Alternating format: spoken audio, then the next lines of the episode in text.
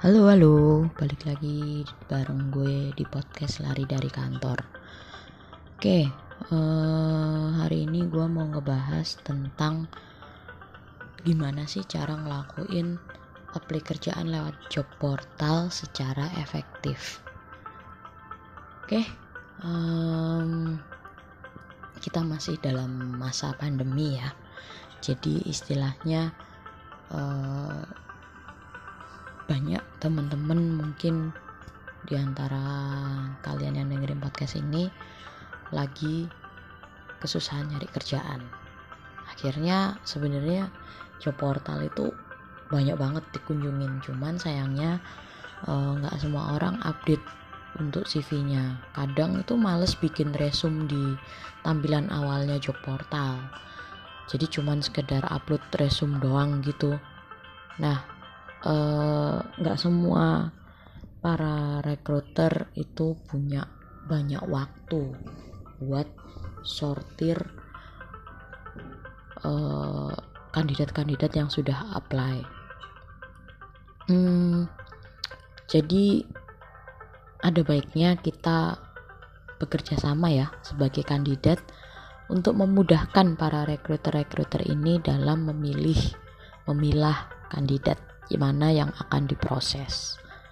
So, uh, ngobrolin soal job portal, sekarang banyak banget job portal. Kalau dulu mungkin cuma dua brand ternama aja, tapi kalau sekarang udah macem-macem, bahkan udah yang model-model startup yang tampilannya pun juga milenial banget kayak gitu.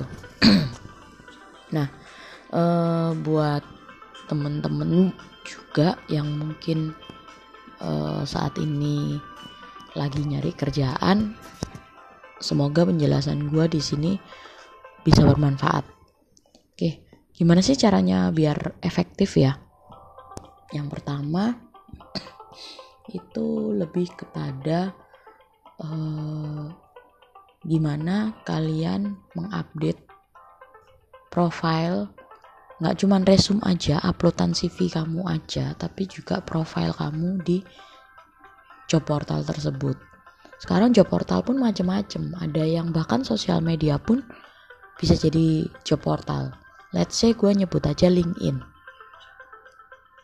Di LinkedIn banyak banget yang nyari kerjaan. Yang dapat kerjaan dari LinkedIn pun juga banyak banget.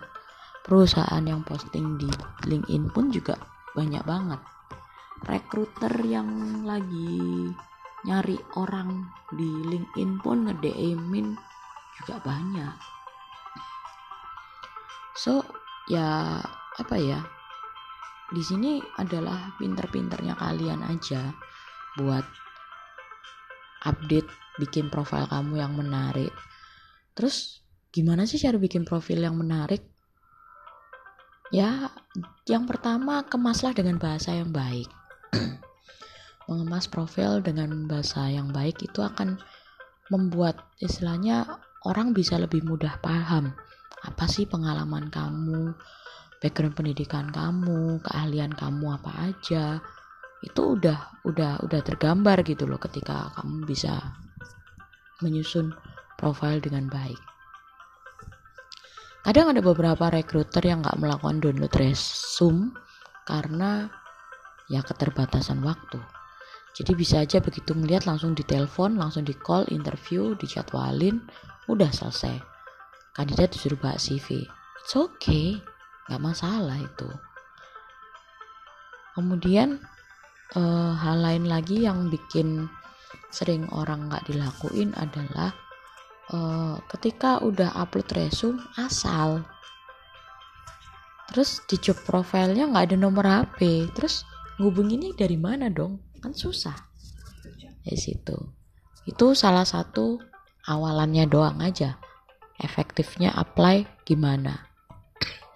Terus setelah masuk ke profile uh, masuk ke gimana cara kamu memilih kerjaan? Cara kamu memilih kerjaan ya? Uh, yang pertama kalau kamu masih fresh grade ya kamu lebih suka di bidang apa. Jangan sampai nanti ketika kamu diproses eh ternyata kamunya nggak suka. Ya harus harus apa ya? Harus balik lagi caranya ngelamar kerjaan itu kayak nyari jodoh. Ketika lu kenal sama diri lu sendiri ya lu akan dapetin apa yang lu pengen ya minimal nggak 100% minimal ya. Ya 60 sampai 70% lu bisa dapetin uh, yang pengen lo punya yang pengen lo dapet. Kayak gitu aja.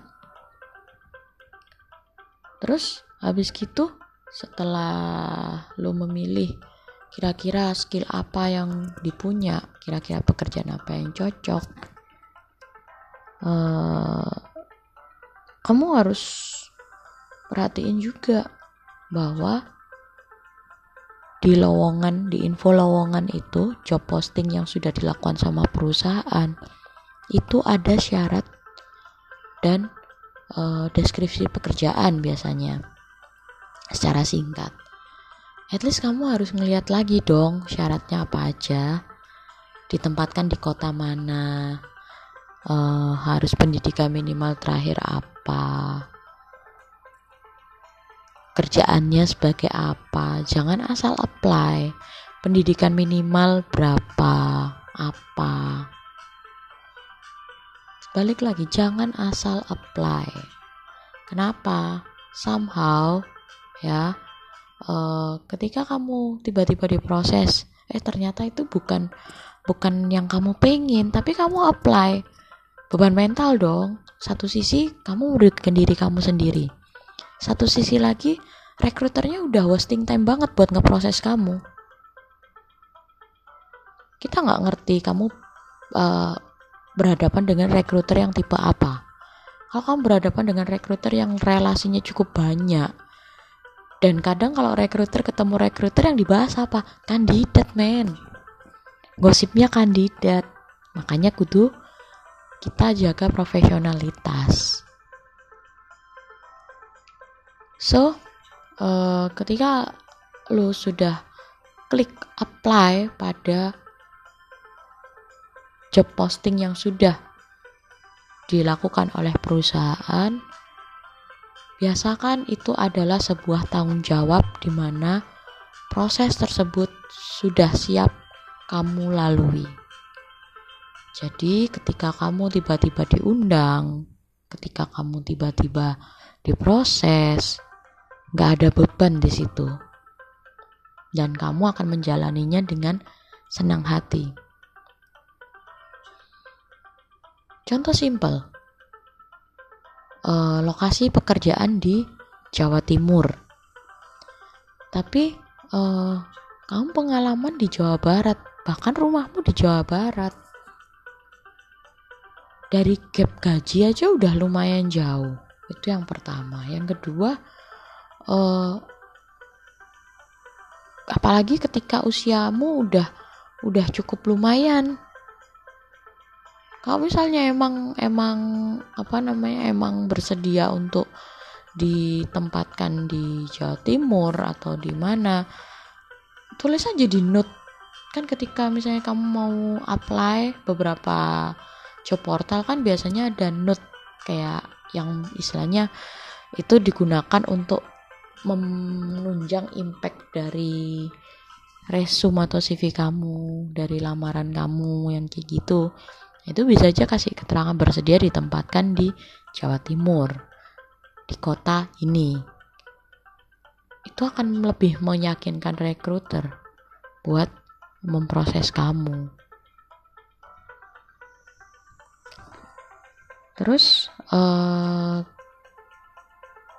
saya bukan orang yang detail, uh, gue bukan orang yang detail uh, terkait uh, gue udah ngelamar di mana aja Cuman yang pasti, gue ketika dapat panggilan, gue akan langsung cross check. Gue udah ngelamar di mana aja, gue cocokin yang mana nih perusahaan yang manggil gue. Jadi ketika gue diproses, gue di interview, gue udah cukup ready. Minimal kan kita cari info ya, cari info terkait perusahaan apa sih yang kita apply uh, bisnis prosesnya kayak gimana kira-kira kebutuhan mereka kayak apa so uh, mungkin itu dulu aja untuk terkait gimana apply secara efektif lewat job portal semoga lu bisa dapat insight dari podcast gue kali ini. Dan semoga juga buat yang belum dapat kerjaan segera dapat kerjaan. Kalau butuh tips-tips yang pengen dibahas uh, lo bisa kirim aja lewat email di lari dari kantor at gmail.com bisa langsung email aja di sekali lagi ya gua gua info bisa kirim email di lari dari kantor at gmail.com Oke, uh, terima kasih buat teman-teman yang sudah jadi pendengar setia di podcast lari dari kantor. Terus buat yang saat ini sudah dapat kerjaan, berkarirlah semaksimal mungkin, seoptimal mungkin, sampai lo nggak ngerti kudu belajar apa lagi dan karir lo udah ngerasa, oh gua harus pindah kolam nih. Nah, itu gua dukung. Jangan jadi istilahnya kutu loncat kutu loncat ya kutu loncat kalau lu dapat pelajaran sih nggak apa-apa tapi kalau kutu loncat tapi lu gak dapat apa-apa ya ya udah buat apa dilanjutin kan kayak gitu terus buat yang lagi punya usaha terus ada rencana buat apply kerjaan semoga diberi kelancaran dan usahanya juga semoga semakin bertumbuh dan bisa survive di tengah pandemi ini. Oke, okay? uh, eh, sekian mungkin dari gua. Uh, thank you dan see you in the next podcast. Bye bye.